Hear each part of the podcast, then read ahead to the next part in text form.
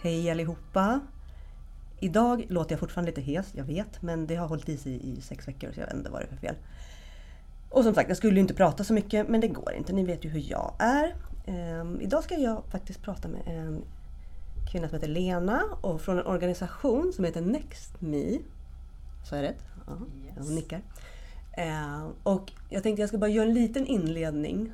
För ni som har följt podden vet ju att som drabbad kan man ju ha en lång historia från allt möjligt skit i barndomen. Eh, även om man lyckas träffa den här förövaren i vuxen ålder. Så, och allt det där liksom på något sätt hör samman. Jag förstod inte riktigt kopplingen från början men nu när jag hållit på med podden och det här kontot så har jag insett att okej, okay, det finns faktiskt mycket röda trådar här. Och framförallt i då ens egenvärde, självkänslan, allt liksom allt hur man tänker om sig själv, hur man reagerar, vad man har för möjlighet att säga nej och stopp och allt det här. Så jag har kommit in mer och mer på just det här ämnet som vi ska prata om idag. Jag tycker inte alls att det är kul. Och jag skulle egentligen vilja gå, men ändå inte. För jag, det är så himla viktigt. Det är så otroligt viktigt. Och när jag släppte min bok i mars, som ni vet, Psykopatens handbok. Och där så börjar jag ju då, ni som inte har läst den, ni får en spoiler, strunt samma. Eh, men där börjar jag då, första kapitlet handlar ju då om min morfar. Och många var ju såhär, va? Va? Vadå? Och jag blev utsatt som barn för sexuella övergrepp. Och han var min första förövare. Men den psykopaten som boken handlar om använder ju mitt barndomstrauma för att ta sig in i mitt liv, min familjs liv och ta över. Att han använder det där som ett vapen eh, för att isolera och fortsätta trycka ner mig. Så att mina sår, min, min liksom uppväxt, allting var perfekt för honom. Det var ju liksom som gjort för all hans manipulation. Så att det var en sån viktig del. När jag började skriva boken så kände jag så att jag kan inte utelämna det här. Jag måste prata om den här biten också, även om jag tycker själv det är svinjobbigt.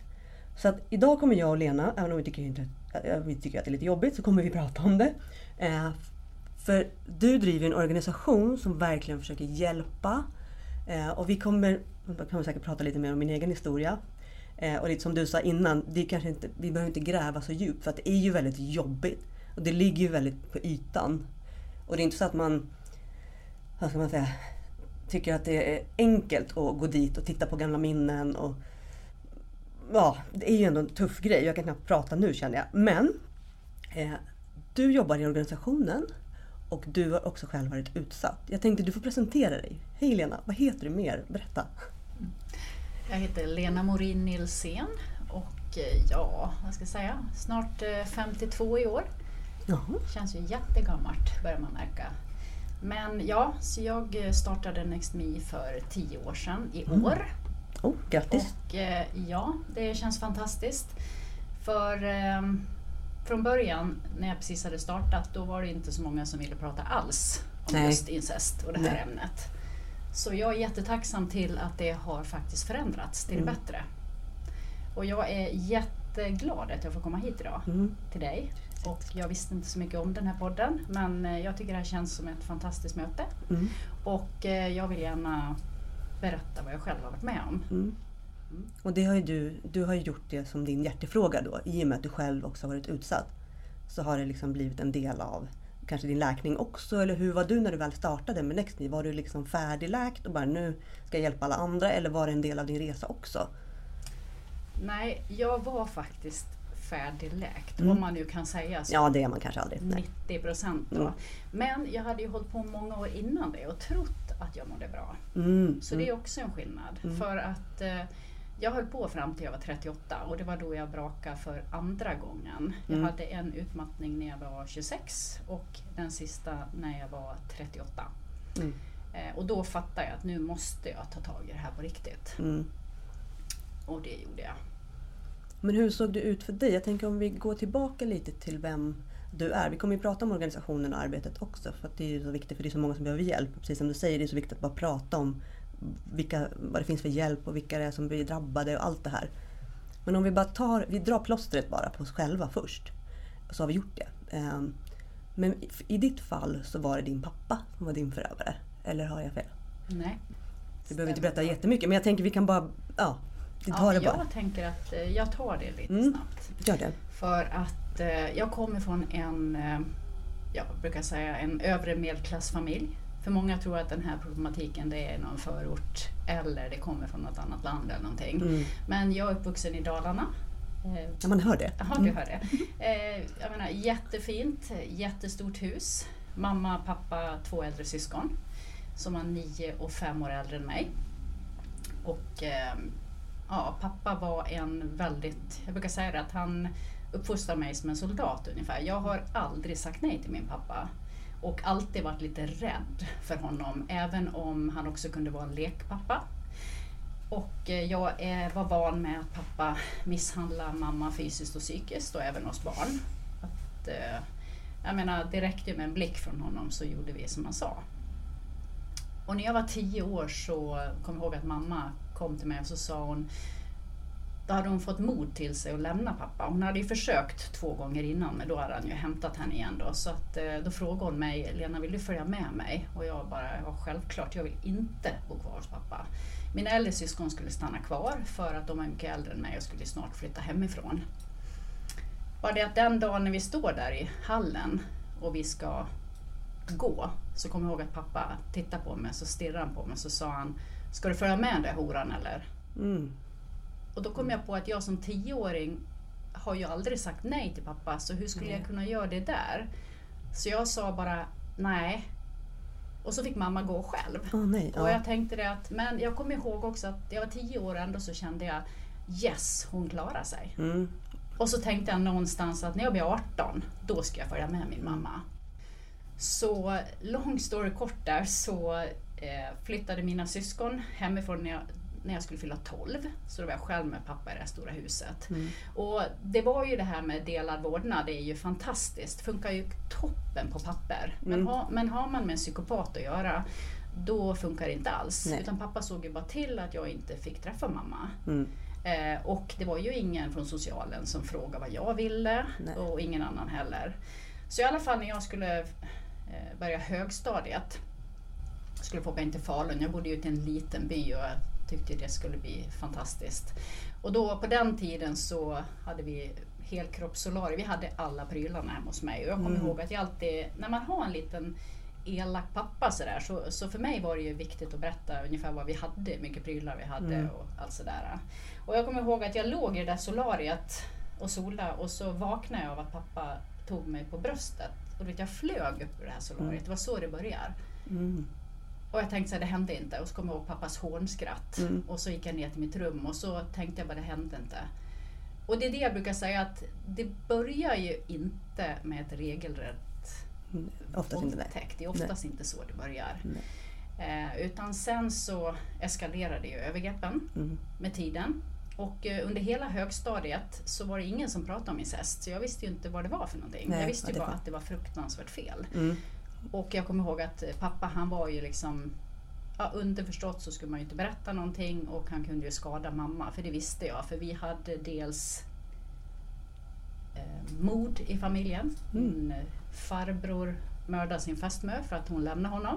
Mm. Så att jag visste ju att det fanns liksom Det fanns en hotbild. en hotbild. Ja. Mm. Eh, bara det att det pratades ju inte jättemycket om det men den bara låg där.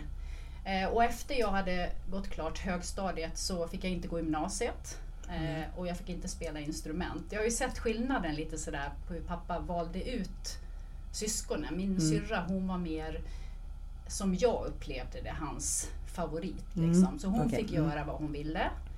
Upplevde jag det. Ha killar, spela instrument, gå gymnasiet. Och min bror, han var den som fick ta det fysiska våldet från pappa. Mm. Men han gick gymnasiet.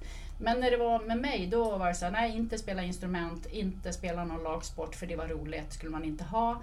Och inte gymnasiet då. Så att, eh, Men Du blev mer ägodelen och Ja. fick inte vara liksom och tonåring. sen just mm. det här att jag var alltid ganska hård så jag var Mm. liten. Det var som att jag fick inte gråta. Mm. Medan min syrra hon grät för ingenting. Så jag kommer Mm. ihåg att det var så det var sån skillnad på oss. Så när jag hade slutat nian då började jag eh, som lärling på en salong. För jag ville så Mm. gärna bli frisör. Eh, Ja. Man kunde göra det på den tiden vilket jag tyckte var helt fantastiskt. Så att jag hade ju verkligen ett liv hemma och ett liv i skolan. Jag älskade ju skolan och även sen när jag började på den här salongen.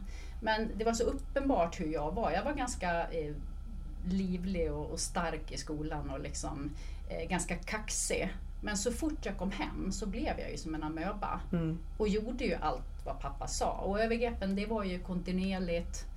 Det hände flera gånger i veckan och de accelererade och de var ju både inne och ute i bilen, bastun. Mm.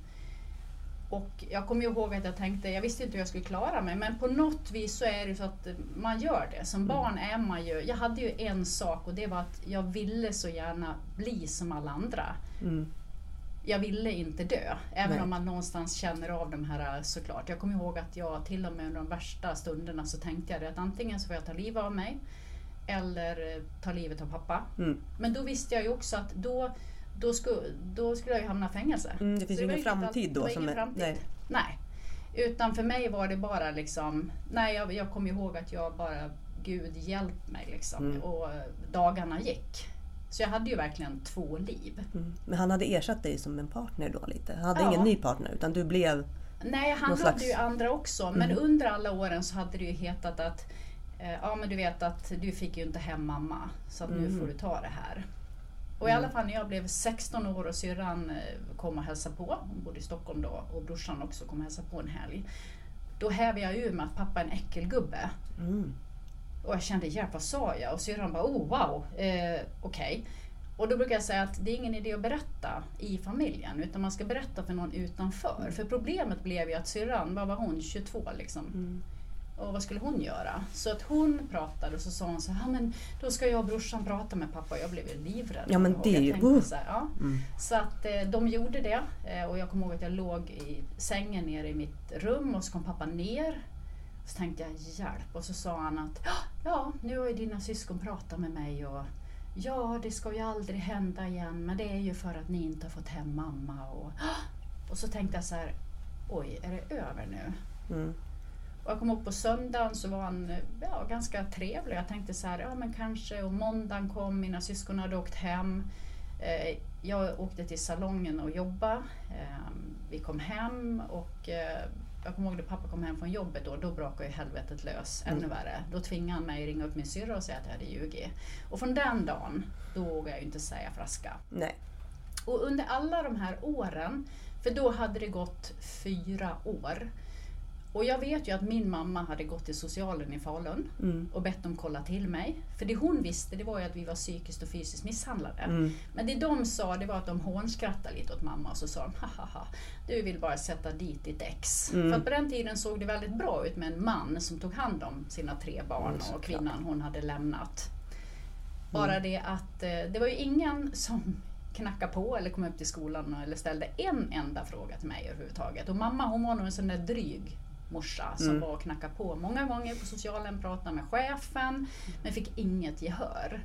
Och med tiden där så orkade ju inte jag träffa mamma för pappa kunde ju vara på det sättet att jag kommer ihåg när jag var lite yngre och jag blev sjuk till exempel så sa pappa så här Jaha, är du sjuk idag? Ja men då kanske du vill vara hos din mamma idag då? Och jag att det blev bara, straffet nästan? Ja. Mm. Bara det att, jaha ja, ska du hem till den där horan? Mm. Och det var ju så hela tiden allting gick. Mm. Så att det blev ju mer och mer att jag inte ens kunde träffa mamma för det blev så jobbigt. Övergreppen blev värre, mm. pappa blev Ja, allting blev så jag liksom höll mig och någonstans så levde jag med det här att när jag blir 18 så drar jag. Mm. Det var din räddning, liksom, ut, tanken i alla fall? Ja. ja. det var ju det jag trodde eftersom mm. ingen annan... Och jag tänker så här att jag var ju en ganska medveten tjej. Såg på alla TV-program, gick i skolan, hade andra vänner. Men jag hade ingen aning om, för att i skolan så pratade vi om non-smoking generation på den mm. tiden. Alla rökte. Vi pratade om rör inte min kompis mm. och vi pratade om fula gubbar på stan. Mm. Och jag var inte ett dugg rädd för de här gubbarna nere på busshållplatsen eller att det var många tjejer på högstadiet som sålde sin kropp. Och, mm. och jag tänkte så att ja, men det, det hade jag ju liksom, det visste jag. Skulle ju, jag skulle ju aldrig tillåta någon. Men det var ju som att det var ju ändå ingen som berättade att det här kunde hända hemma. Nej. Så för mig var ju det någonting som, jag trodde på riktigt att jag var helt själv i det här. Mm. Och visste inte. Så det här sista året efter att jag hade berättat för syrran Och det accelererade, då var jag 16. Så mellan jag var 16 fram till jag fyllde 17, då, då var det så att jag visste inte riktigt hur jag skulle överleva. För jag kände ju hur jag blev mer och mer tom, även om jag såg ut som jag, Mm. jag menar, eh, Mm. ja, men jag, avskärmade dig mer och mer liksom. Ja, Mm. ja, fast jag levde på ändå. Mm. Och strax innan jag fyllde 17 så skulle min syra gifta sig. Eh, Och då hade hon fått en, en ny väninna som kom dit i alla fall. Hon var en 32-årig tvåbarnsmamma som var eh, och då hade syrran hållit på att prata med henne och, och den här kvinnan säger så här att eh, Nej men, du är orolig för något annat, sa hon. Och då hade syrran sagt så här, nej men, nej, men jag är nog oro, orolig för syrran där hemma i, Mm. på landet uppe i Falun. Liksom. Då säger den här kvinnan så här, som precis hade blivit troende, så hon var så här villig att hjälpa andra, Mm. för hon kom inte från någon organisation eller någonting. Då sa hon till min syrra, du, om hon är utsatt, då tänker jag åka och hämta henne, säger hon. Om hon så bor Wow. i Spanien. Så lång story kort, så en vecka innan jag fyllde 17, då kommer den här kvinnan och hon har släpat med sig sin man. eh, Wow. Som hade sagt att nej men vadå, ska vi bara åka och hämta en Kidnappa henne en, liksom. en tjej sådär och ja men ska vi inte be över saken hade han sagt och hon Mm. sa du kan be själv så åker jag sa hon. Mm. Och det var ju min räddning och jag kommer ihåg att syrran hade ringt dagen innan till salongen och sagt att Lena imorgon kommer en kvinna som heter det och det och jag vet att jag hade sett henne en gång på bröllopet då. Mm. Eh, Och jag tänkte att och, och det var så otroligt konstig känsla när jag går ut där från salongen och där står en svart Audi Mm. och jag bara gick... Det var så naturligt för mig att gå in och sätta mig i deras bil. För där stod den här kvinnan, en, rikt, en vacker kvinna. Liksom. Mm. Och, och jag bara gick in och satt mig och kände mig så lugn. Mm. Och när man tänker efter så hade jag ju lika gärna kunnat tagit en buss en annan dag. Mm. Du vet. Men det, det gick inte. Nej. Och det som jag brukar säga att min pappa behövde ju inte låsa in mig hemma. Utan jag gick ju frivilligt hem varje dag Mm. och gjorde som han sa. Inom parentes för frivilligt. Mm. Ja, man är ju manipulerad så Ja, det är ju en form av... Ja, precis. Ja. Men ja. Mm. Så det var ju min räddning. Det var ju att, att hon helt enkelt fysiskt kom och hjälpte mig därifrån. Och Mm. jag satt med deras bil och vi åkte upp till Sundsvall. Mm. Eh, Och jag fick bo hemma hos dem för jag visste att hon var hemma med och hade dagbarn. Så att hon Mm. skulle vara hemma dygnet runt och jag var så sjukt rädd kommer jag ihåg att jag tänkte pappa kommer hitta oss. Mm. Jag hade inte sjukskrivit mig, jag hade inte berättat för någon att jag skulle dra. Nej.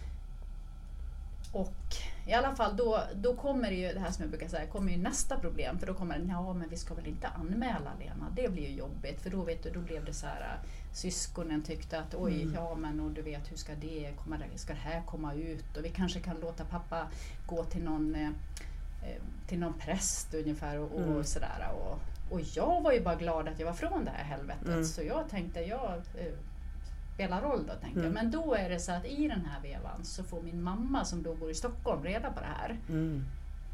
Och hon blir ju så knäckt för hon har ju inte fattat att det är så här allvarligt. Nej.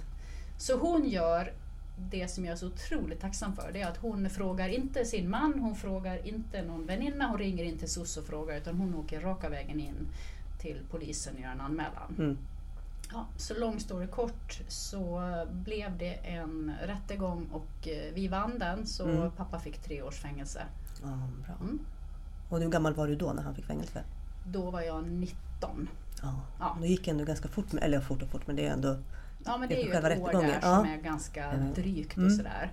Men det som var det skönaste för mig, det var ju att egentligen så var det ju liksom, jag hade ju inget revanschtänkande egentligen pappa. Jag hade, ville ju bara slippa se honom. Mm. Och då när jag visste att nu kommer det vara ett tag att jag slipper se honom. Tre år är han borta liksom. Mm. att göra med en psykopat är ju det att han dyker upp när han vill. Mm. Överallt. Det är inte så att man bara är av med en sån person för att man har flyttat hemifrån heller. Nej. De ser ju till att hitta en och... Mm. Ja. Men då i alla fall så fanns det ju ingen hjälp att få vad det gäller mina trauman och övergrepp. Nej. Så det var ingen som erbjöd sig, Lena du kanske behöver hjälp. Utan jag gjorde ju det jag kunde. Så jag eh, blev, eh, jag jobbade, Mm. kom till Stockholm och jobbade och jobbade och sprang. Jag Mm. blev ju duktig flicka då Mm. istället och jag tänkte att ja men jag hamnar ju inte på gatan. Nej. Eh, och jag tar inte droger. Men jag hamnade ju precis i det andra diket och Mm. blev duktig flicka och istället då inte kunde säga no, nej till någonting. Nej. Bara körde på. Ja. Rakt in i Mm. Väggen. Mm. Är Klassikern. Men då behövde du träffa din pappa under tiden eller hur? När var sista liksom... Tänkte när han åkte in, då var han inne i tre år. Men träffade du honom någonting där? Nej, han, men det är ju det här, tre år det blir ju ett och ett Ja, halvt ganska ja. snabbt i det här landet. Va? Eh, sen behöver vi inte gå in på vad vi tycker om nära... Ja, Nej, Det är det håller jag. korta. Det är ändå val snart. Nej men jag behöver inte prata om det. Men, ja. eh, korta straff. Mm. Nej, men jag hade i alla fall då mot statistiken så Mm. hade jag ju träffat en, en fantastisk kille Ja. som inte var psykopat. Och det var ju bara ett under för mig. Mm. Han var tre år äldre än mig. Och eh, när jag var 20 och ett halvt så skulle vi gifta oss. Och på den tiden så tyckte jag inte jag tyckte att jag var stor då. Ja. Eller det var inte jättekonstigt. Det var läge då liksom? Det var läge då. Ja. Och vi hade ändå känt varandra i fyra år. Vi har, jag hade haft ett förhållande då såklart i smyg. Mm. Liksom. Men när vi väl så, jag kommer ihåg att den dagen i kyrkan där på Södermalm, när jag kliver in och det här ska vara min mest fantastiska dag och vi kommer upp till altaret där och i den här stora kyrkorgeln så finns det två backspeglar. Mm. Och i ena backspegeln så ser jag hur pappa sitter på Nej men gud, gud jag panik. Ja. Bredvid min mamma som grinar. Då var det ju ingen som hade berättat för mig att pappa var ute. Så det var så jag träffade pappa första Nej, gången efter. Bara ord. Och den var ju det här att, ja, då vann han den dagen också. Och Mm. jag vet ju hur jag blir. Då blev ju jag stel och sen var ju jag liksom så. Ja, det var ju det borta liksom. Mm. Ja. Nej, så där träffade jag ju pappa. Mm. Eh, och sen var det ju det att jag fattar ju att eh, det finns ju inget skydd från en psykopat när man har fyllt 18. Du kan Mm. inte få något besöksförbud och det här utan jag visste ju någonstans att jag måste ju bara kunna hantera det här. Mm. Eh, och eh, så med tiden och efter det att pappa hade kommit ut då tyckte ju ändå mina syskon att, för han höll ju på att tjata så mycket på dem såklart. Så att, Mm. och jag på något vis ville ju vara duktig kristen flicka så att ja, jag eh, åkte ju ändå med och träffade honom när han fyllde år och, Mm. och utsatte mig för det själv. För det var ingen som hjälpte mig att tala om att Lena du måste inte träffa honom. Nej, du behöver Utan inte göra jag det. trodde Mm. att jag liksom, Mm. ja men Med din det- plikt. Ja, inför, och det här blir ofta problematiken när det är inom familjen. Mm. Just att det här med syskon, då känner de ett liksom, påtryckningar Mm. och, och det blir och då känner jag inför dem, jo men jag måste nog. Mm. Så att det blev ju, det blev ju jättekonstigt i säkert i 15 års tid höll jag på att tvinga mig själv. Mm.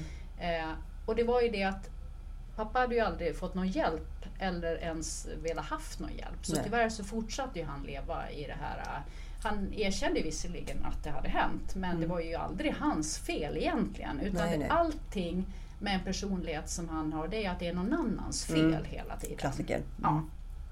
Och därav så var det ju så för min del att det är ju ingen idé att, man ska, det går ju inte att umgås med någon som inte vänder om och det gjorde ju inte han. Nej. Men någonstans där också, precis när jag hade flyttat hemifrån så, så hade jag ju ett i mig när jag kom upp till den här kvinnan i Sundsvall och det var ju att jag ville ju, jag kände ju att nu kanske jag får möjlighet att leva och jag ville, någonting som jag ville det var att leva och Mm. jag ville inte bli en bitter kvinna. Nej. Så någonstans också så valde jag där att förlåta min pappa. Inte till honom, inte förminska det han har gjort, utan enbart för att jag ville bli fri från Mm. hans. För jag kunde ju känna av när pappa var i närheten. Det var som en, jag kan inte ens beskriva riktigt, Mm. som en andlig Mm. jag bara visste, oj nu kommer pappa liksom. Jag kunde Mm. känna på mig det. Men efter att jag hade liksom, alltså bara eh, att förlåta är för min skull. Mm. Inte för någon annans skull. Mm. Och eh, det var vad jag liksom, sen är det ju jättelång och, och jobbig process i sig. Men eh, ja, Mm. men tiden gick och eh, i alla fall när jag fyllde, så fick jag ju ingen hjälp då. Men när jag fyllde 25 och min man var 28 då, vi, hade ju, ja, vi var ju arbetsnarkomaner bägge två Mm. men vi älskar ju att hålla på. Så att, I alla fall då så fick han reda på att han hade cancer, så jag fick reda på det på min 25-årsdag. Åh nej. Ja, och sen tog det fyra månader så dog han. Så det var ju mitt andra så kallade trauma, Ja, säga, som kom då. Så skulle jag hantera det. Men jag såg ju att jag kunde inte hantera det utan jag gjorde ju som jag alltid gjorde. Jag fixade, Mm. jag bara såg till att begravning, men det här med att sörja, Mm. jag bara körde ju på. Och det var då jag gick in i väggen första gången och då hette det yuppie-sjuka på den tiden. Jaha, okej. Ja, det är inte ens utbränd var ett ord då? Nej. Nej. Det fanns inte då. Okej, spännande. Ja, så då, men då träffade du läkare och de liksom samlade ihop dig, eller vad hände då? Liksom? Eh, nej men då, ja, då, då blev jag sjukskriven några månader. Ja. Men för mig, att ha den här uppväxten, det här med att vara sjukskriven, det var ju någonting för svaga. Det här mm. är ju någonting som jag har tänkt på efteråt, som jag skämts väldigt mycket för. Att jag hade ett förakt mm. mot svaghet. Mm. För att jag tyckte själv att liksom, jag hade ju lärt mig att den som inte jobbar ska inte äta. Så jag var så sjukt driven. Mm. Så det här med att vara sjukskriven, mm. det var ju liksom något för svaga personer. Så jag ville ju inte vara sjukskriven heller. Nej. Utan det var ju så här, sen började jag jobba ganska snabbt igen. Och det, där. och där har jag ju tänkt på efteråt att det var ju också för att jag aldrig tillät mig själv att vara svag. Nej. Som jag sen längre fram mm. rasade igen sen. Ja, mm. för att eh, kort efter eh, Henrik, som han hette då, hade dött, då träffade jag barnens pappa. Mm. Och eh, det som jag brukar säga idag, att man ska vara hel innan man går in i en relation. Mm. Och även om, om barnens pappa var en, en ganska bra person, men det, det var inte bra för mig. Nej. Så det var inte, men det var ju också för att jag själv inte var hel. Nej. Sen fick vi, lång story kort, tre barn tillsammans och eh, men det var också ett, en relation jag gick in och jag visste egentligen att jag inte skulle göra det. Så det var egentligen inte hans fel utan det Nej. var ju återigen att jag inte hade fått hjälp. Nej. Och när jag var sån, att gick jag in i någonting, ja men då höll man ut. För jag är ju mm. så uppvuxen med man håller ut. Ja, precis. Liksom. Man gör det bara. Oavsett, mm. ja ja visst och skilja mig det, det ville jag inte egentligen. Utan jag ville ju liksom stå mm. för någonting jag gjorde. Så att det dröjde. Så vad jag gjorde det var att jag jobbade mycket fick tre barn, jag sprang maraton, jag sprang väldigt mycket. Det var ju mitt sätt så här efteråt när jag ser mitt sätt att liksom mm. ventilera ångesten. Mm. Och självmedicinera, det var ju det mm. sättet jag gjorde på. Och försökte hela tiden, jag höll ju igång hela tiden. Jag hade ju otroligt svårt för att bara sitta ner. Så mm. antingen så städade jag ut alla hemma mm. eller jag bara höll på hela tiden. För jag var ju inte känslomässigt riktigt närvarande. Så när jag blev 38 då gick jag i väggen för andra gången, men då hette det utmattningsdepression och hjärnstress. Ja. Då fick jag en diagnos, för jag, jag, gick till läkaren för jag tyckte ju att jag egentligen var i toppform, men hela jag skakade liksom och kom mm. dit och jag sa så här, jag har järnbrist, sa jag. Och hon sa, nej Lena, du är utmattningsdeprimerad och har hjärnstress. Mm. Och jag bara, men nej, ge mig vitaminer bara. Nej, men alltså, jag kände såhär, nej men hon inte, hon, jag bara glöm det. Mm. Så jag kommer ihåg att jag bara gick därifrån. Mm. Och sen kom jag ihåg att jag kom hem och tänkte, vad sa hon egentligen? Så jag vet, jag gick tillbaka efter två veckor och sa, vad sa du att jag hade för problem? Och då, nu kan jag lyssna liksom. Då hon och så ja. sa hon så här, nu tackar inte du nej till den här hjälpen Lena, utan mm. nu ska du få gå till en psykolog. Och det var bland det jobbigaste jag har gjort. Det var faktiskt att ta emot hjälp. Mm. För jag hade, det var det svåraste för mig, det var att be om hjälp. Mm.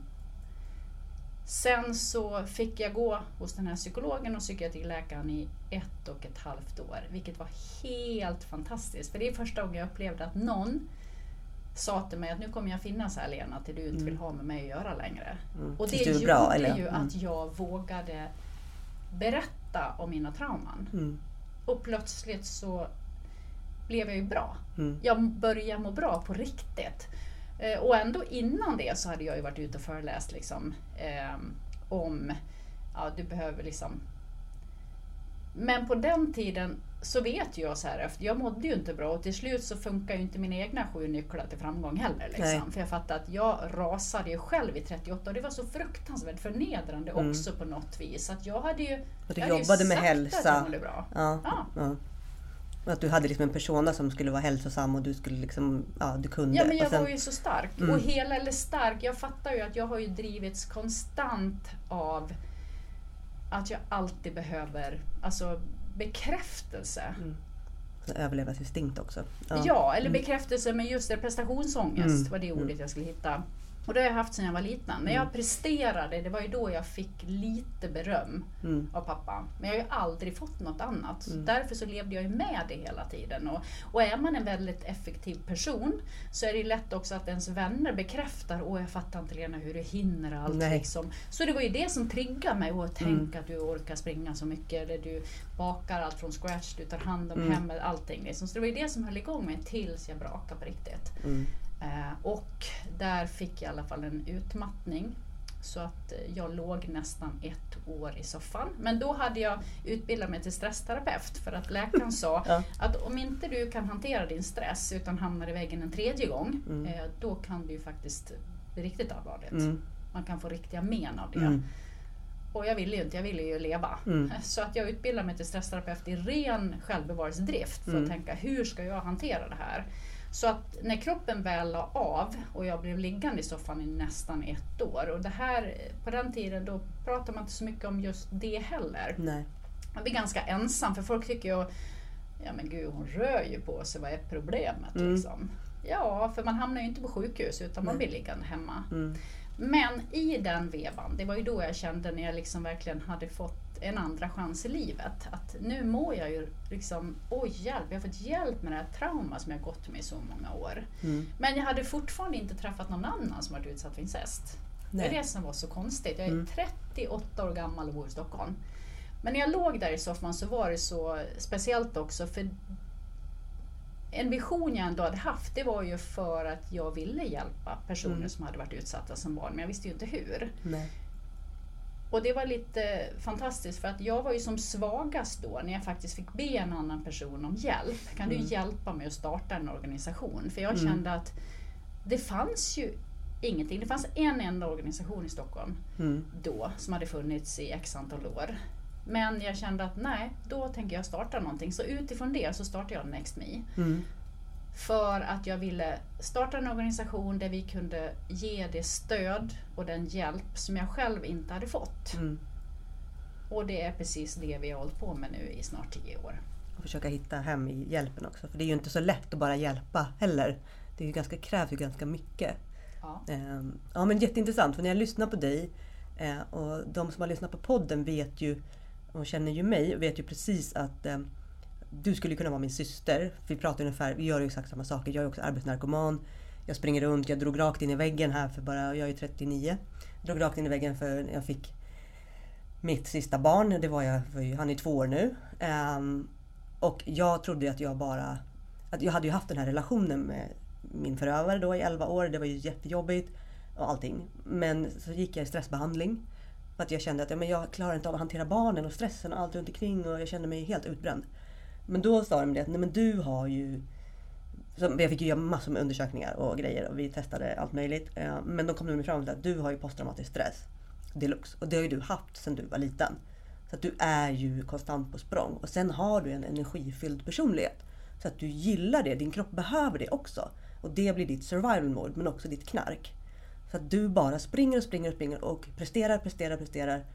Samtidigt som det är bra för din kropp så är det också extremt dränerande. För att du kan inte hålla koll på balansen mellan de här olika grejerna utan du bara kör. Tills det inte går att köra mer.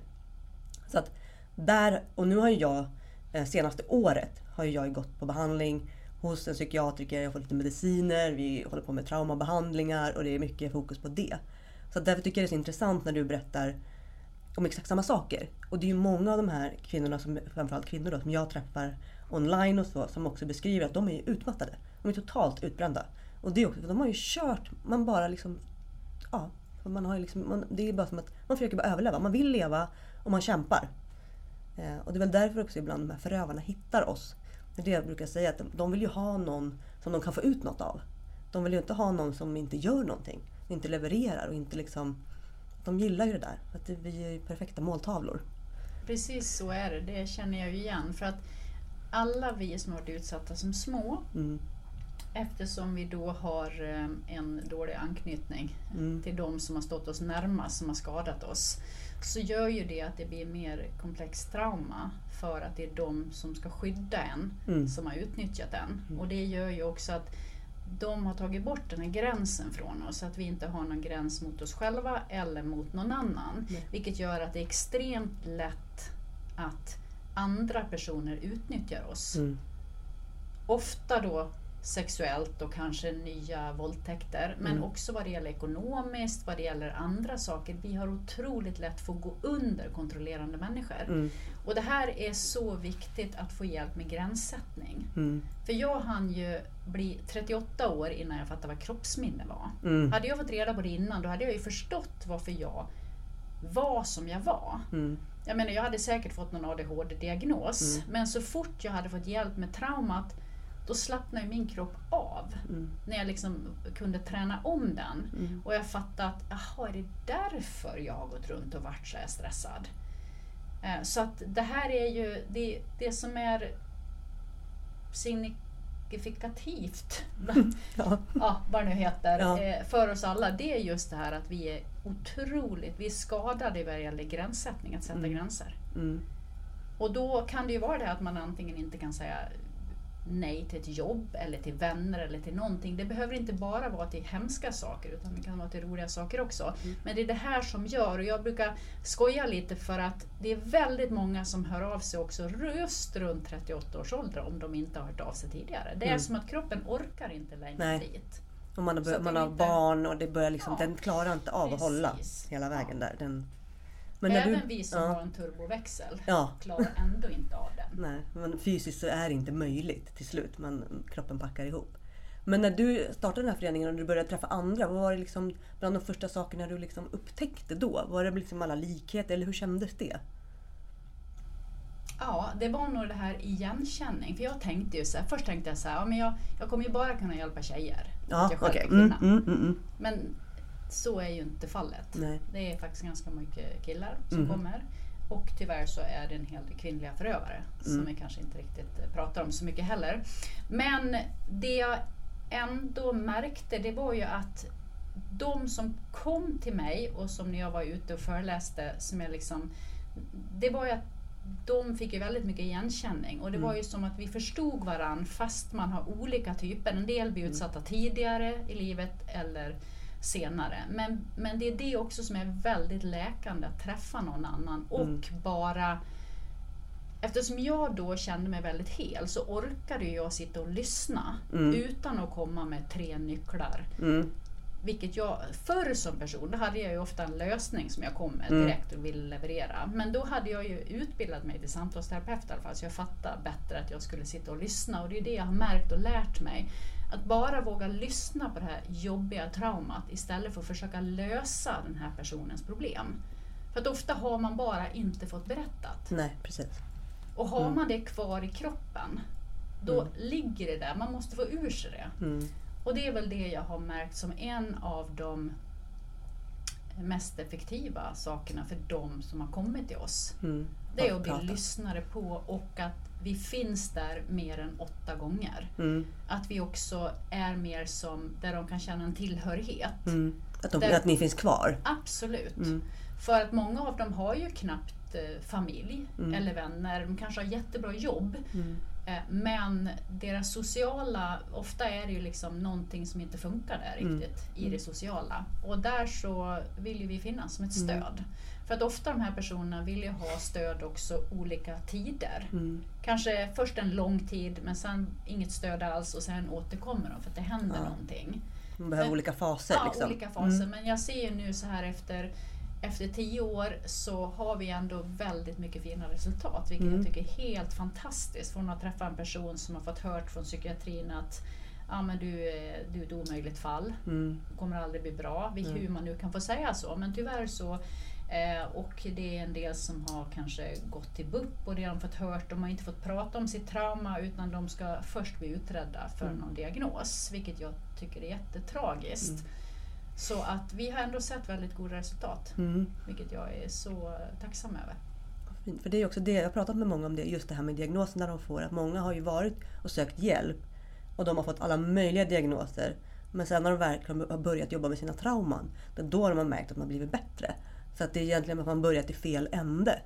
Och det är väl det som jag kan tänka mycket inom vården är så. Att man bara så här, man går inte till botten riktigt hela vägen utan så här, nej men du kanske har ADHD. För det, när jag var på den här utredningen så sa de det jag har uppvisat ju alla de, både autism och ADHD, men vi vet inte egentligen hur stort problem det är, det är för dig egentligen. Utan vi måste jobba med din posttraumatiska stress. Och då tar vi liksom så mycket vi kan ta bort den för att se är det någonting kvar som vi verkligen ens behöver jobba med? Det kanske bara är din superkraft. Att du bara har mycket energi. Låt det vara så. Vi hittar nycklar så du kan förhålla dig till det. Men att man blir, hamnar i ett fack och blir liksom, att man känner att men jag är sjuk på riktigt. Inte att man faktiskt har ett trauma i kroppen som man måste få bearbeta först. Eh, Men om man kommer till er då, då kan ni, vad, vad gör ni? Om man säger, någon ringer, vad händer? Berätta.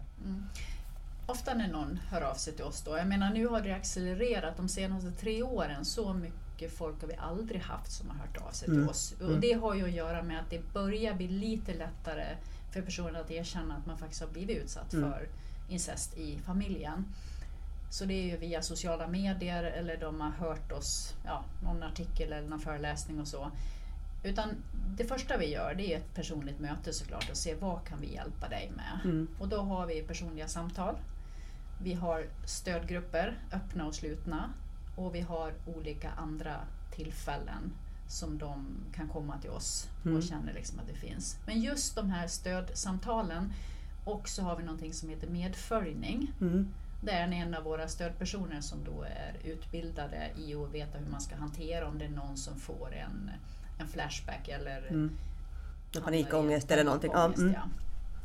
Det är att de ska följa med dem till ett jobbigt möte, vilket kan vara tandläkaren, Mm. polisen, psykologen. För att många av de här personerna med svår PTSD, de klarar ju inte att ta sig från sin lägenhet ens. Även Nej. om man tycker att det finns ju hjälp, ja men du måste ju ta dig dit också. Ja, bara lyfta telefonen kan ju vara nog så jobbigt. Precis, Liksom. så det är mycket sånt där praktiskt också som vi Mm. hjälper till med. Och Jättebra. vi ser ändå effekten. Sen är det så att även om jag och några av mina kollegor då som själva varit utsatta, om vi har stödsamtal Mm. med dem vi säger en gång i veckan, då kanske de, om de får möjligheten att gå till en traumaterapeut så är det fantastiskt. Men Mm. nu är det väldigt svårt inom vården att få en traumaterapeut. Vilket också är helt galet. Det är helt galet. Mm. Så skulle det finnas mer hjälp för dem i vården, Mm. då hade ju vi, för min tanke det är att vi ska vara mer som sjuksköterskor Mm. och sen så tar vi dem till läkaren, Ja. men som då är en traumaterapeut. Ja. För att vi kan göra två olika saker. Mm. Vi kan prata om andra saker medan traumaterapeuten då dealar med själva traumat. Behandlingen och verkligen liksom, kan ja. medicinera om det behövs det Precis. eller vad som helst. Ja. Och det är ju så Mm. vi hade önskan och det var ju min önskan från början när jag Mm. startade. Att vi vill vara en liksom, vi vill vara någonting mellan vännen och vården. Mm. Jättefint. Komplettera Mm. liksom. Och det, det handlar lite om tiden också. Så man måste ju följa kanske en person för att se vad har hänt de här åren och lite så. så allt sånt här är ju, så, det är ju långsiktiga grejer. Man kan ju inte bara över en dag bli frisk. Eller, det Nej. är det man märker, så att det är en sån lång resa också till Mm. att komma dit och känna att nej, men nu börjar jag landa i det här. Mm. För att det finns ju ändå forskning på att om man har varit utsatt för ett trauma så är det, tar det ju lite kortare tid att Mm. behandla det. Då. Mm. Men om vi säger att du har 80 eller 100 trauman, Mm. du har varit utsatt för övergrepp alltså under Mm. flera års tid, då är det så komplext så att då tar det ju väldigt mycket längre tid Mm. För den här personen. Och det är ganska svårt att förstå det kanske. Mm. Och därför så det är väldigt brist på just vård. Mm. Och det är det vi saknar. Men, Ja. vi, men vi kommer ju aldrig ge upp för att det jag vet och det jag alltid kommer säga till de som kommer till oss. För ofta får jag frågan, Lena, går det ens att bli bra? Mm. Ja, precis. Alltså är det någon idé att jag Mm. lyfter på det här locket? Annars Mm. kommer jag behålla det. ja, jag orkar inte liksom. Ja, och Mm. sen är det lite indirekt, tycker om mig? Mm. Och det är ju någonting, och tror du på mig? Alltså Mm. det är liksom, det är klart att de inte säger så, men det är det jag säger. Jag kommer alltid att tro Mm. på dig, att du kommer fixa det här. Och jag Mm. brukar säga att det är jättetufft, men vi fixar det här ihop. Mm. Det är väl någonstans det stödet som är det o, liksom, villkorslösa. För det är det egentligen som en förälder eller liksom nära anhörig, det är det man ska få som man inte då får. Mm. Och där blir det ett stort hål, ett tomrum. Och det som jag märkte när jag, det som jag tyckte var värst, jag skrev liksom en bok på 300 sidor. Och de värsta passagerna i boken, det var ju ett, då min morfar, som jag pratade om. Och sen var det då, jag tog upp lite av eh, sexuella våldet jag hade varit utsatt för. Det var liksom det värsta som jag liksom kom åt i boken. Det var precis som att det, det andra, alla liksom örfilar, alla liksom, allt sånt där. Det, det var inte alls på samma nivå. Och när jag skulle släppa boken, det jag hade mest ångest över, det var att släktingar, att släktingar skulle läsa första kapitlets rubrik. Alltså de som kände mig. Och då var jag såhär, men okej, jag har, jag, jag, boken handlar liksom om en man som har, vi har varit tillsammans i 11 år, han har liksom systematiskt misshandlat mig. Det jobbiga ligger i att jag ska få ett samtal från någon morbror eller någonting. Om det här. Jag pratade ju mycket med min mamma. För hon sa ju såhär, men hon bara, nej men kör. Hon bara, jag tar samtalen. Jag pratar med alla. Skicka dem till mig eller svara inte. Jag kan prata med dem. Så hon har ju varit väldigt fin där och varit så här, mm. det är viktigt, du ska berätta det här. Du ska göra det. Och det är ju sant. Så om de kommer till mig och säger någonting annat. Jag vet att det är sant. Det, de har inget att hämta här. Och det på något sätt har ju också gjort att nej men, då behöver jag inte ta det samtalet att känna att någon bara Varför ljuger du ihop det här?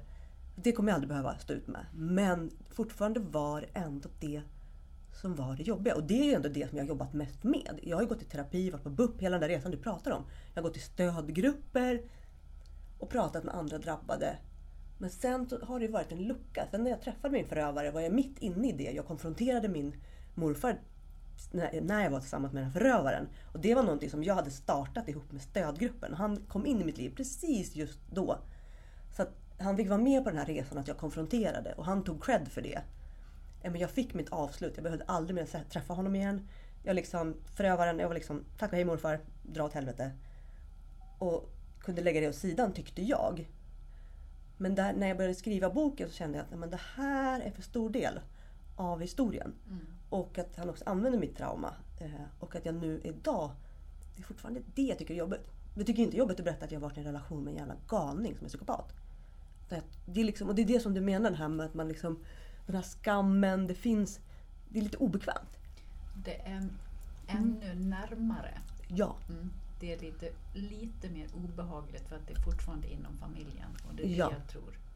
Och det är ju något, på något sätt så det är ju, man, kan man säga det är smutsigare. Men jag vet inte, det är så fel ordval. Men känslan och det som jag kände nu också när jag gick ut med det, det var så här, Det kommer att ta hus i helsike. Alla kommer höra av sig om det här, de kommer prata om det här. Och det var ju jättemånga som hörde av sig. Och alltså jag blev ju nerringd allt möjliga och folk skickade meddelanden. Men inte ett ord om min morfar och mina sexuella övergrepp. Ingen har sagt ett ord om det. Och då alla har sagt såhär, gud kan jag få ge dig en kram bara? Typ så. Jag är så ledsen för allt du har varit med om. Och... Men ingen. Och det tycker jag är intressant. Mm. Varför tror vi att det är så? Därför att det är fortfarande obehagligt för människor att prata med. Det är det enda vi har kommit fram till nu efter tio år. Att från början då märkte vi att personer vill inte ens lajka våra inlägg. Nej, för okay. man vill inte bli beblandad med just incest. Nej. Eh, idag har vi kommit ganska långt. Vi kan prata om, om våldtäkter på stan. Mm. Ja, men liksom, mm. mm. sådana saker. Sexuellt våld och sådär. Mm. Vi pratar om allt med. Men när det kommer till det här då är det som att och det enda vi kan komma fram till det är att det blir, kryper på så nära. För då blir det ju plötsligt, ja, men tänk om det har hänt någon annan i mm. vår familj eller i släkten orkar jag ens se det och fatta att det är så här nära mm. mig? För jag kan fortfarande träffa personer som är utbildade, kompetenta personer som jobbar eh, med liksom andra social, med människor, men de har ingen kunskap om det här. Nej. Och det gör ju mig fortfarande beklämd, där jag förstår att det här finns fortfarande inte som ämne på universiteten. Nej. Och då tänker jag, det är inte så konstigt att folk ute i samhället inte vet vad de ska göra. Det är precis, du sätter, mm. Du kommer till kärnan just vad det gäller det här. Det är därför jag också tror att de inte riktigt eh, kommenterar den till dig. Nej. För att det blir så känsligt. Mm, det är för mycket mörker på något ja. sätt då. Medan det är det här lite som har varit min vision, att, att slå hål på den. Mm. För att jag skämdes något fruktansvärt till jag var 38. Men mm. sen bestämde jag mig för att nu kommer jag skämmas en dag till. Jag Nej. vill inte att en ungdom, kille, tjej eller någon ska behöva skämmas en dag till. Det var Nej. därför jag ville känna så att när folk kommer till oss då vill inte jag känna riktigt, ja men vi sitter i en källare här och ingen av oss pratar med varandra utanför dörren. Nej. Utan jag kände bara, nej men nu Sen är det klart att det är anonymt och allt det här om man mm. vill. Men jag uppmuntrar också folk att nej, nu ska vi sluta skämmas bara mm. för att vi har varit utsatta för det här. För mm. att det är ju ingen som behöver skämmas för att de var mobbare när de var yngre. Men varför ska jag behöva göra det, eller du? Och det här känner jag att det är lite av eh, en stor del mm. i vad jag vill. Det är mm. att verkligen liksom, nej men nu är det så här, det är så här fruktansvärt skitigt det som har hänt, men jag vill inte att någon ska skämmas mer. Nej. Och, och man är inte ensam. Vara, nej, nej, vi är inte ensamma. Vi är faktiskt ganska många. Det är en statistik på två personer i varje klass. Mm. Alltså det är ju rätt Ja. Då pratar vi om den här, inte om sexuella övergrepp generellt, för Nej. då är det fler. Ja. Så det är ju rätt, alltså, och det är väl det man känner när man bär, väl börjar prata med folk i slutna grupper och i slutna rum. Då märker man att jo men, ja, men jag hade en farbror eller ja, nej men Nej, men, ja, att man hör att det, liksom, det, det tasslas och det liksom är lite så småprat om det. Men är som du säger, man, man vill liksom inte att det ska synas utåt. Att, att man på något sätt har... Och där kände jag att nej men jag... Om jag nu ska vara en, en slags en så här, ett sätta ansikte på en person som har varit i en våldsam relation. Så jag, säger, jag får inte ta bort det här och bara som att det inte finns. Utan nu, nu måste man ju gå hela vägen kände jag för mig själv också. Att jag är alla de här sakerna. Och, men det gick bra ändå. Eh, och det har gått dåligt ändå. Alltså det har ju varit både och. Jag har ju haft katastrofgrejer, jag har gjort jättemycket tokiga saker och jag har mått jättehemskt och jag mår fortfarande dåligt. Det finns mycket grejer av det här. Men det finns också massor med bra saker. Jag är också väldigt driven och duktig. Och, nej, allt det där. Och att det måste få vara okej. Att det inte finns det här det sån, att man bara är en nedbruten person som sitter i ett hörn. Utan att det kan vara vem som helst. Du ser inte det på den här personen. Och där kan jag känna, att när jag var liten då berättade jag ju för min bästa kompis. Det var ju så det kom fram. Eh, och hon berättade för sin mamma och hennes mamma är verkligen så här. Nej nu yeah. ja. Så hon berättade ju för lärarna och de drog igång hela cirkusen och det var liksom, jag var tio år, det var katastrof. Då, kände, men då kom ju de hem till mig, nu visste inte jag om det var SOS eller om det var någon åklagare. Men då frågade de mig, vill du anmäla? Och jag skulle ta det beslutet själv, tio år gammal. Och jag visste ju, som min mamma hon sa ju det, att ja men mormor har ju precis satt in en pacemaker nu, det kanske inte är så bra läge. Ja men du vet så här. Och sen så blev det inget mer med det. Sen hamnade jag ju i 14 års ålder. Så bröt ju jag, jag var crackade, jag var ju så suicidal, jag mådde hemskt, jag blev inlåst ett tag också till och med. Och då pratades det om övergreppen lite grann. Mina föräldrar fick prata lite i en cirkel med läkare och lite sånt om det. Men det var inte jättemycket uppföljning. Och sen så vart det liksom frisläppt. Sen tog jag ju själv kontakt med kvinnojour. Och det var ju då jag hade börjat min resa. Att jag måste, jag kan inte, det kan inte vara så här. Att jag måste vara så här. Av den här upplevelsen. För jag kunde inte, relationen var ganska svårt. Ja men du vet allt. Sex och hela bö. Det var ju bara hemskt. Men där fanns det liksom, jag fick ju göra hela grejen själv. När du berättade att du var 38 och ändå liksom, ja, jag förstår det. För att det är ingenstans utifrån där de har hjälpt, förutom på kvinnojouren. För där var de så här, det finns en grupp som bara eh, fokuserar på sexuella övergrepp. Och det finns en kvinna där som är helt fantastisk. Margareta heter hon, i Västerås. Ja, men hon är i alla fall helt fantastisk. Och då var det verkligen, du måste prata med henne. Så jag pratade med henne och hon hade liksom en grupp och hon var liksom så himla öppen och hon visade om böcker. Det fanns liksom lite material, det fanns någonting. För ingen hade ju liksom, inte ens vården, de tar ju liksom, tar ju inte i det. Typ som att man är smittad. Och nu bara babblar jag på. Men jag blir så här frustrerad för jag känner bara att fy tusan, det får inte vara så här fortfarande. Men efter den här liksom, boken nu, det var ju i mars i år, det var några månader sedan. Det bara, fortfarande lite samma vibe. Sen kanske man inte frågar ett barn om de ska anmäla, det kanske man inte gör idag. Men Nej, men du har en bra po- point där och där tycker jag att vi ska bli bättre på att bara uppmuntra att vi ska anmäla. Det går Mm. inte att fråga ett barn först. För det är som jag säger att om jag är 10, om jag är 17 eller 20, man vet inte själv. Utan här behöver vi som vuxna hjälpa de här personerna. För att det är självklart att man ska anmäla, det är ett brott. ja, Det är ingenting som man ska diskutera inom familjen. För, för, för alla andra saker så gör vi ju en anmälan, eller hur? Ja. Om det har stulits någonting eller om det är någon som har misshandlat dig. Då är Mm. det ingen som säger Nej men vänta nu, ska vi anmäla? Utan det är ju självklart och det är precis det vi vill, att det ska. Mm. Det är så självklart att det ska anmälas. Varför är det inte det?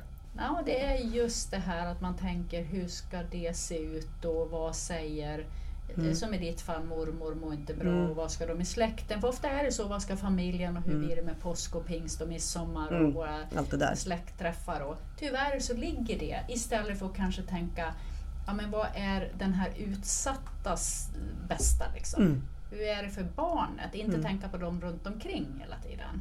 Så Ja, det där ska vi bli bättre på. Ja men det känns som en verkligen, Ja. i och med att skolan var ändå inblandade i mitt fall och det kom ändå personer, jag vet inte ens var de kommer ifrån, men kom ju ändå hem till oss. Men ändå la beslutet hos mig. Jag hoppas att idag är det ändå så att om polisen får veta det eller om skolan får veta det här så blir det en anmälan, eller blir det inte det? Tyvärr så funkar det. Alltså det funkar bättre, Mhm. kanske. Men när vi väl går med någon och ska göra en anmälan idag så Mm. brukar jag säga att jag är en av de få som är en dömd förövare så här många år senare. Mhm. Ja, att de flesta jag, vi går med, det väcks inte ens till åtal, det läggs ner innan. För det här är ju en grupp där det inte läggs ut bilder på nätet. Så det är inte grooming på det sättet. För hittar du bilder på nätet så kan du hitta bevis. De här förövarna som håller på som vi säger i ditt fall och i Mm. mitt fall, det togs inga kort, det fanns inga i närheten, det fanns inga mobiler vi kunde spela in på.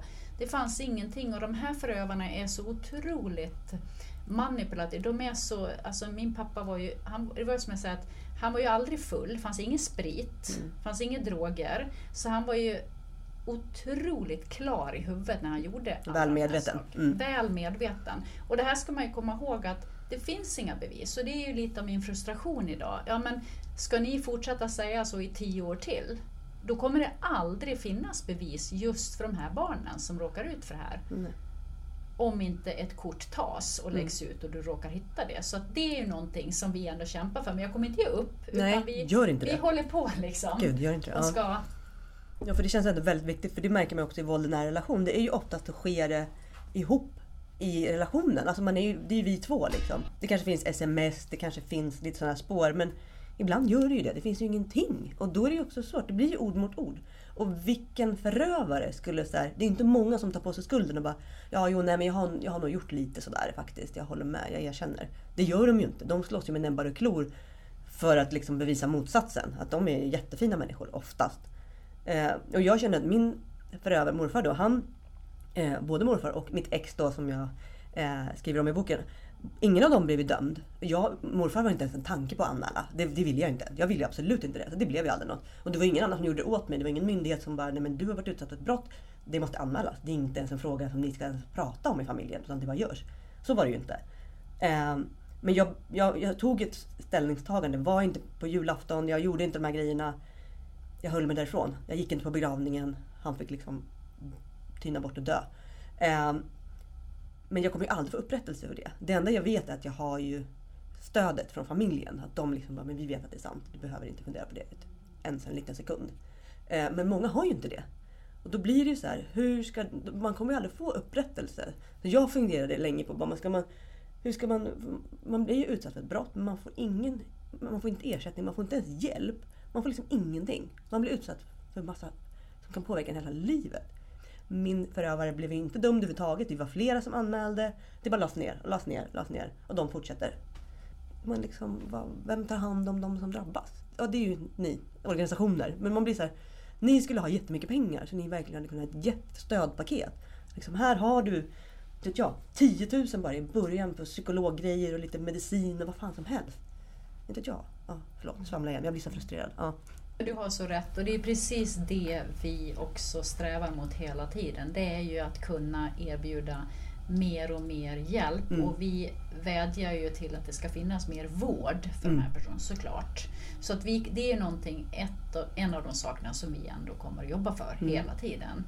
Och idag är det ju att eh, vården är ju i behov av ideella sektorn. Mm. Eller överhuvudtaget. Ja. För att det inte finns. Och, och vi är ju jättetacksamma att vi kan hålla på. Mm. För att vi gör ju ändå, är ju ändå med och få göra skillnad Mm. på riktigt. Där man ser att det här är faktiskt effektivt det vi håller på med. Och vi hoppas ju få bli större och större att det ska bli, finnas fler som oss. Mm. För det finns ju så otroligt många människor som behöver hjälp. Mm. Men kan man vara stödmedlem och sådär? Eller hur får ni era intäkter? Hur gör man? Hur funkar det? Jag liksom... Ja, nu har ju vi bidrag, statliga bidrag, Mm. vilket är fantastiskt. Det är vi otroligt tacksamma för. Mm. Men sen så kan man ju vara medlem då, eller stödmedlem. Så man behöver alltså inte själv ha varit utsatt Nej, för att stötta oss. Och äntligen nu så börjar vi få in även andra människor som faktiskt vågar stötta oss. Mm. Trots att de kan riskera att man kan tro att Ja. de har varit utsatt. Men det där är så skönt för att det är precis nu de här sista två åren som jag känner att det verkligen börjar släppa. Mm. Att folk kan Skönt. tänka att ja, men nu kan vi tänka oss att, att skänka lite pengar eller Mm. faktiskt stötta er. För vi är så beroende, för ju mer vi får in ju mer kan vi ju göra och det är Mm. ju så det går till. Mm. Även om som jag, som jag säger att jag är inget självändamål att ha en egen organisation. Jag skulle lika gärna kunna vara anställd Mm. inom vården och göra det jag gör idag. Men nu funkar det inte på det sättet Nej. i Sverige. Nej. Utan vi har det på det här sättet och då är det ideella organisationer som behövs. Mm. Och det är ju också förskräckligt på ett sätt att inte det finns ett organ liksom på mera liksom, samhällsnivå där man liksom har precis som skola, vård och omsorg, att det är liksom både för våld i nära relationer och allt sånt där. Att det, inte, att det måste vara frivilliga organisationer och de som får bidrag. Att, man, att det inte bara är, är självklart. Att man säger, åh nej, vi måste söka om man får hjälpa andra. Man bara, Bå. Så. Um, men ert arbete då? Jag tänker så här, man kan kontakta er på, man kan ringa, man kan mejla. Hur, funkar, hur gör ni liksom? Ja, det bästa är att gå in på vår hemsida på mm. nextme.se nxtme.se och sen har ju vi då både chatt och telefon mm. Flera kvällar i veckan. Mm. Och sen så finns vi på kontoret dagtid mm. mellan 9 och 4 så det är bara att ringa eller mejla oss. Då. Vi har ju en mejl som heter help.nextme.se mm. Och så finns vi på Instagram och på Facebook. Så att ni ändå kan, om man, ja, ibland kan det vara så att man sitter Liksom att man, behöver, man sitter ensam hemma, man kanske behöver prata med någon lite sent på kvällen. Men att skicka ett mail kan kännas som att det bara lättar lite en stund. Man kanske inte alltid behöver prata med en person fysiskt men bara att man har... Nej, ja, det är perfekt. Bara få ur det är sig. perfekt mm. och, Jättebra. och bara kontakta oss. Mm. Så, att, eh, så finns vi där och vi, eh, vi hoppas att vi kan vara ganska snabba på att svara. Ja, det är alltid, man, man gör så gott man kan. Jag fick faktiskt, eh, när jag, jag frågade våra följare lite eh, i och med att jag skulle träffa er på organisationen och dig och sådär. Om de hade någonting som jag skulle prata om lite. Det var jättemånga som ville att jag skulle ta upp om förövaren är ett syskon. Att det blir så svårt. För att många har ju kanske haft en förövare som inte varit så himla gammal heller. Utan att mm. båda har varit barn. Mm. Och sen att det har gränsfall och liksom fortsatt in i puberteten lite grann men sen har det, har det liksom runnit ut i sanden. Och att det finns så väl, alltså det är så svårt. Att ha då den här syskonet, den har gjort ett brott men den var också barn, men hur ska man hantera det? För traumat sitter där ändå. Lite sådana där bitar. Hur, hur, hur har ni pratat liksom när, det, när det handlar om syskon? Så? Hur jobbar ni då? Är det någon mm. skillnad? Nej, det är inte så jättestor skillnad och det är ju komplext på mm. grund av att eh, det blir lite komplext för föräldrarna. För mm. då har de en förövare och en som är utsatt. Och tyvärr så är det många föräldrar då som väljer att inte anmäla den här, det här barnet. Mm. Eller barnet, för de kan ju vara 18, 19. Jag brukar säga att man är barn upp till man är ja, ja. över 20 kan jag ju känna. Men det är, det är väldigt mycket sånt som är lite komplext. Men där har vi ganska många hos oss som har just varit utsatt för, för syskon. Mm. Och då skulle jag vilja att eh, får gärna höra av sig till oss. Mm. Och för det här är någonting som vi jobbar med hela tiden. Mm. Och jag tror samma där att eh, de som har varit utsatta, hör av er till oss. Så ska ni också få möjlighet att träffa andra som själva varit utsatta. För vi har ju olika, antingen som mig, jag har varit utsatt av min pappa, vi har folk som har varit utsatta av sin mamma, mm. vi har personer som har varit utsatta av sina syskon. Så det här är någonting som vi är, vi är vana med alla. alla konstellationer? Ja. ja. Mm. Mm. Men det, det finns fortfarande hjälp och man personer som har varit utsatta, de ska få hjälp att bearbeta det. För det är ändå det sättet som man kan bli mer hel på. Mm. Och det är väl liksom det.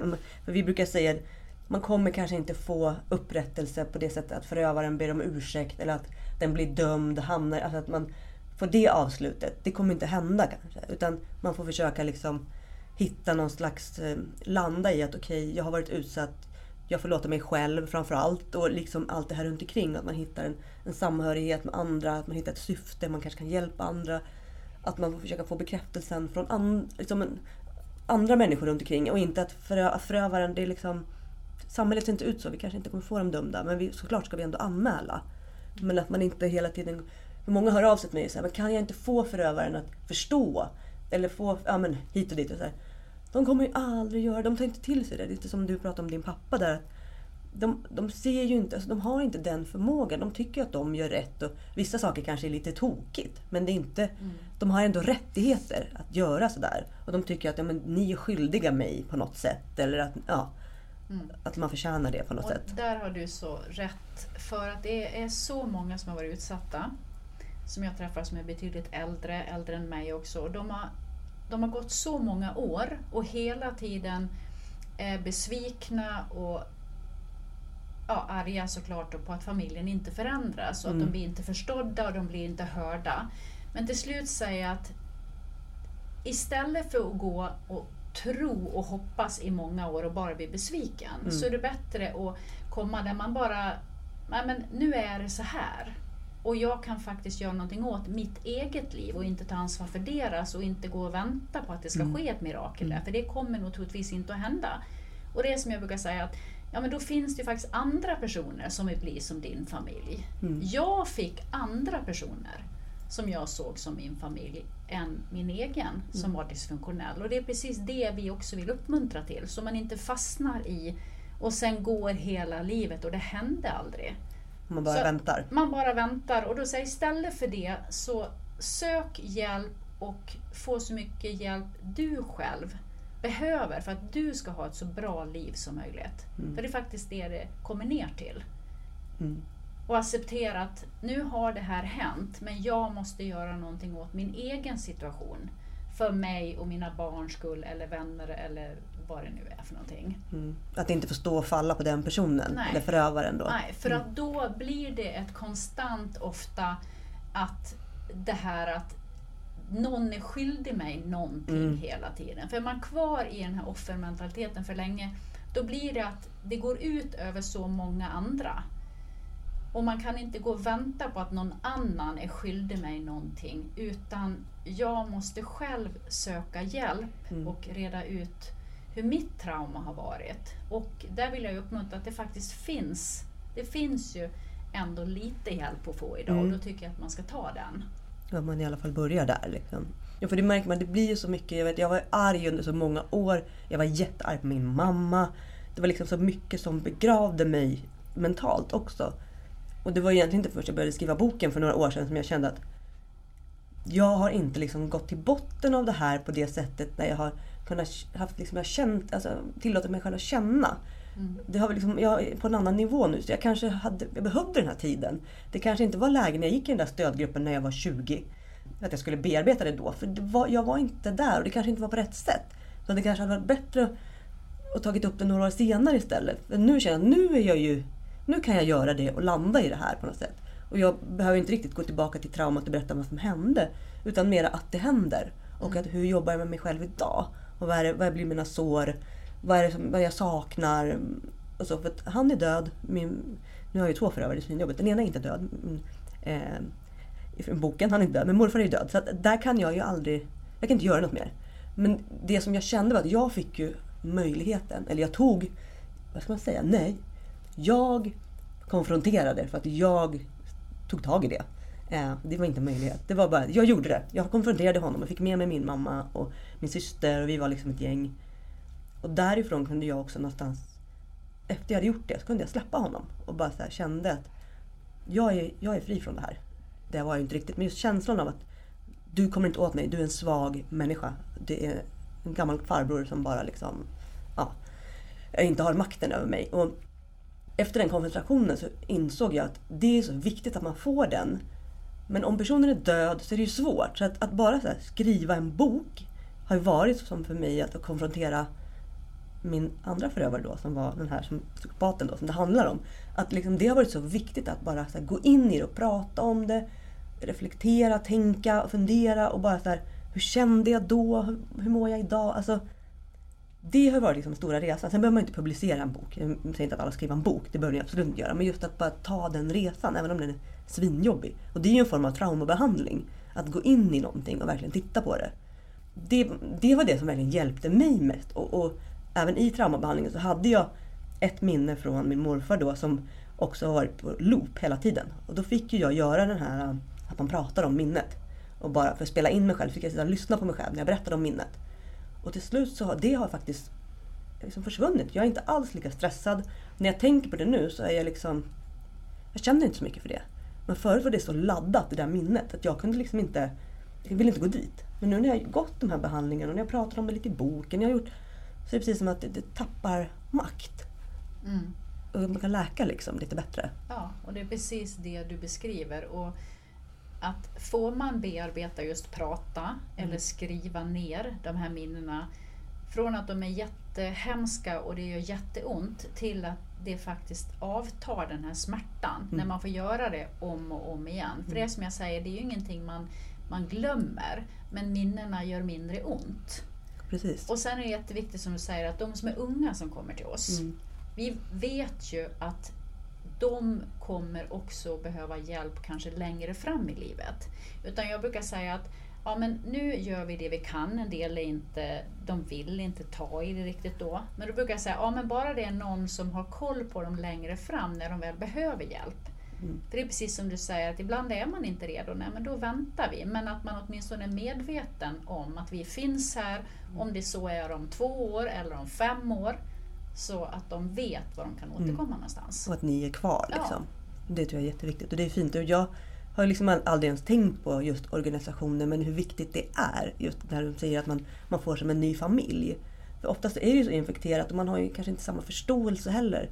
Men jag hade ju familjemedlemmar som var gentemot min, jag blir så rörig mina förövare, men eh, liksom varför jag var tillsammans med den här personen så länge. Och, men varför gjorde du si? Varför gjorde du så? Alla de här lite skuldbeläggande frågorna som är ganska naturliga för de som inte är insatta. Men när man är bland andra som har varit med om samma sak så behöver man inte bli utsatt för det. Jag brukar säga, prata bara med de som förstår. Resten kan ni spara tills ni känner er svinstarka och bara inte bryr er om vad de säger. För att de kan komma med så klumpiga grejer utan att de har tänkt efter. Eh, och det kan göra så stor skada. Så det är bättre att bara liksom hålla er till den nya familjen då, som du var lite inne på. Att man får en ny som man kan liksom prata med på ett annat sätt. Ja, det, det är så bra sagt. Det var som Ingemar Stenmark han sa, väl, det är ingen idé att prata med folk som inte begriper. Nej, Va? det var en jättebra sägning tycker jag. Ja, men är det någonting du känner så att du skulle vilja liksom skicka med? Jag vet ju att många har ju väldigt mycket trauman åt alla håll. Och det är som du säger, att man behöver inte vara jätteliten för att bli utsatt. Du var ju ändå liksom pre-teen, alltså vad heter det? Man är ja, tonåring liksom, när det började. Jag var ju litet barn, jag vet inte ens hur gammal jag var, jag vet bara hur lång jag var. Mm. Men, men att det, liksom, det finns så många olika sorter och även då de som har blivit utsatta liksom i äldre år av en liksom förövare. Det kan ju vara vad som helst, alltså sexuellt våld, allt det här. Finns det någonting du, liksom, förutom att prata om det, för det är ändå väldigt bra. Det kan vi också säga en gång till. Men som du, som du är, vill skicka med de som sitter och lyssnar nu. Mm. Ja, det jag skulle vilja skicka med det är ju just det här att våga ta i det. Även om du säger att prata om det är bra. Ja, men att våga göra det. För att ofta blir ju minnen som man inte pratar om, blir ju som en stor ballong. Om man är livrädd och tänker att hjälp, då spräcks den här ballongen om jag och vad kommer hända då? Men det är ju om man tänker sig som en stor svart ballong, om man slår hål på den, då smäller det jättemycket. Men det blir ju bara jättesmå ballongbitar på golvet. För det är ju ofta så också, de här traumorna, det sitter ju i vårt sinne allt vi har varit med om.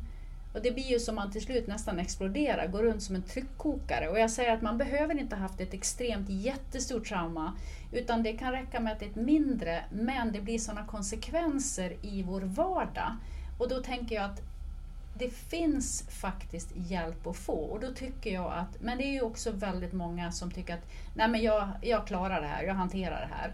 Men jag vill ändå vädja till de flesta att, att faktiskt ta hjälp och be om hjälp, även om det är jobbigt. Mm. Och säga och erkänna att man behöver det. För att man mår så otroligt mycket bättre mm. efteråt. Så det är fortfarande någonting som jag mm.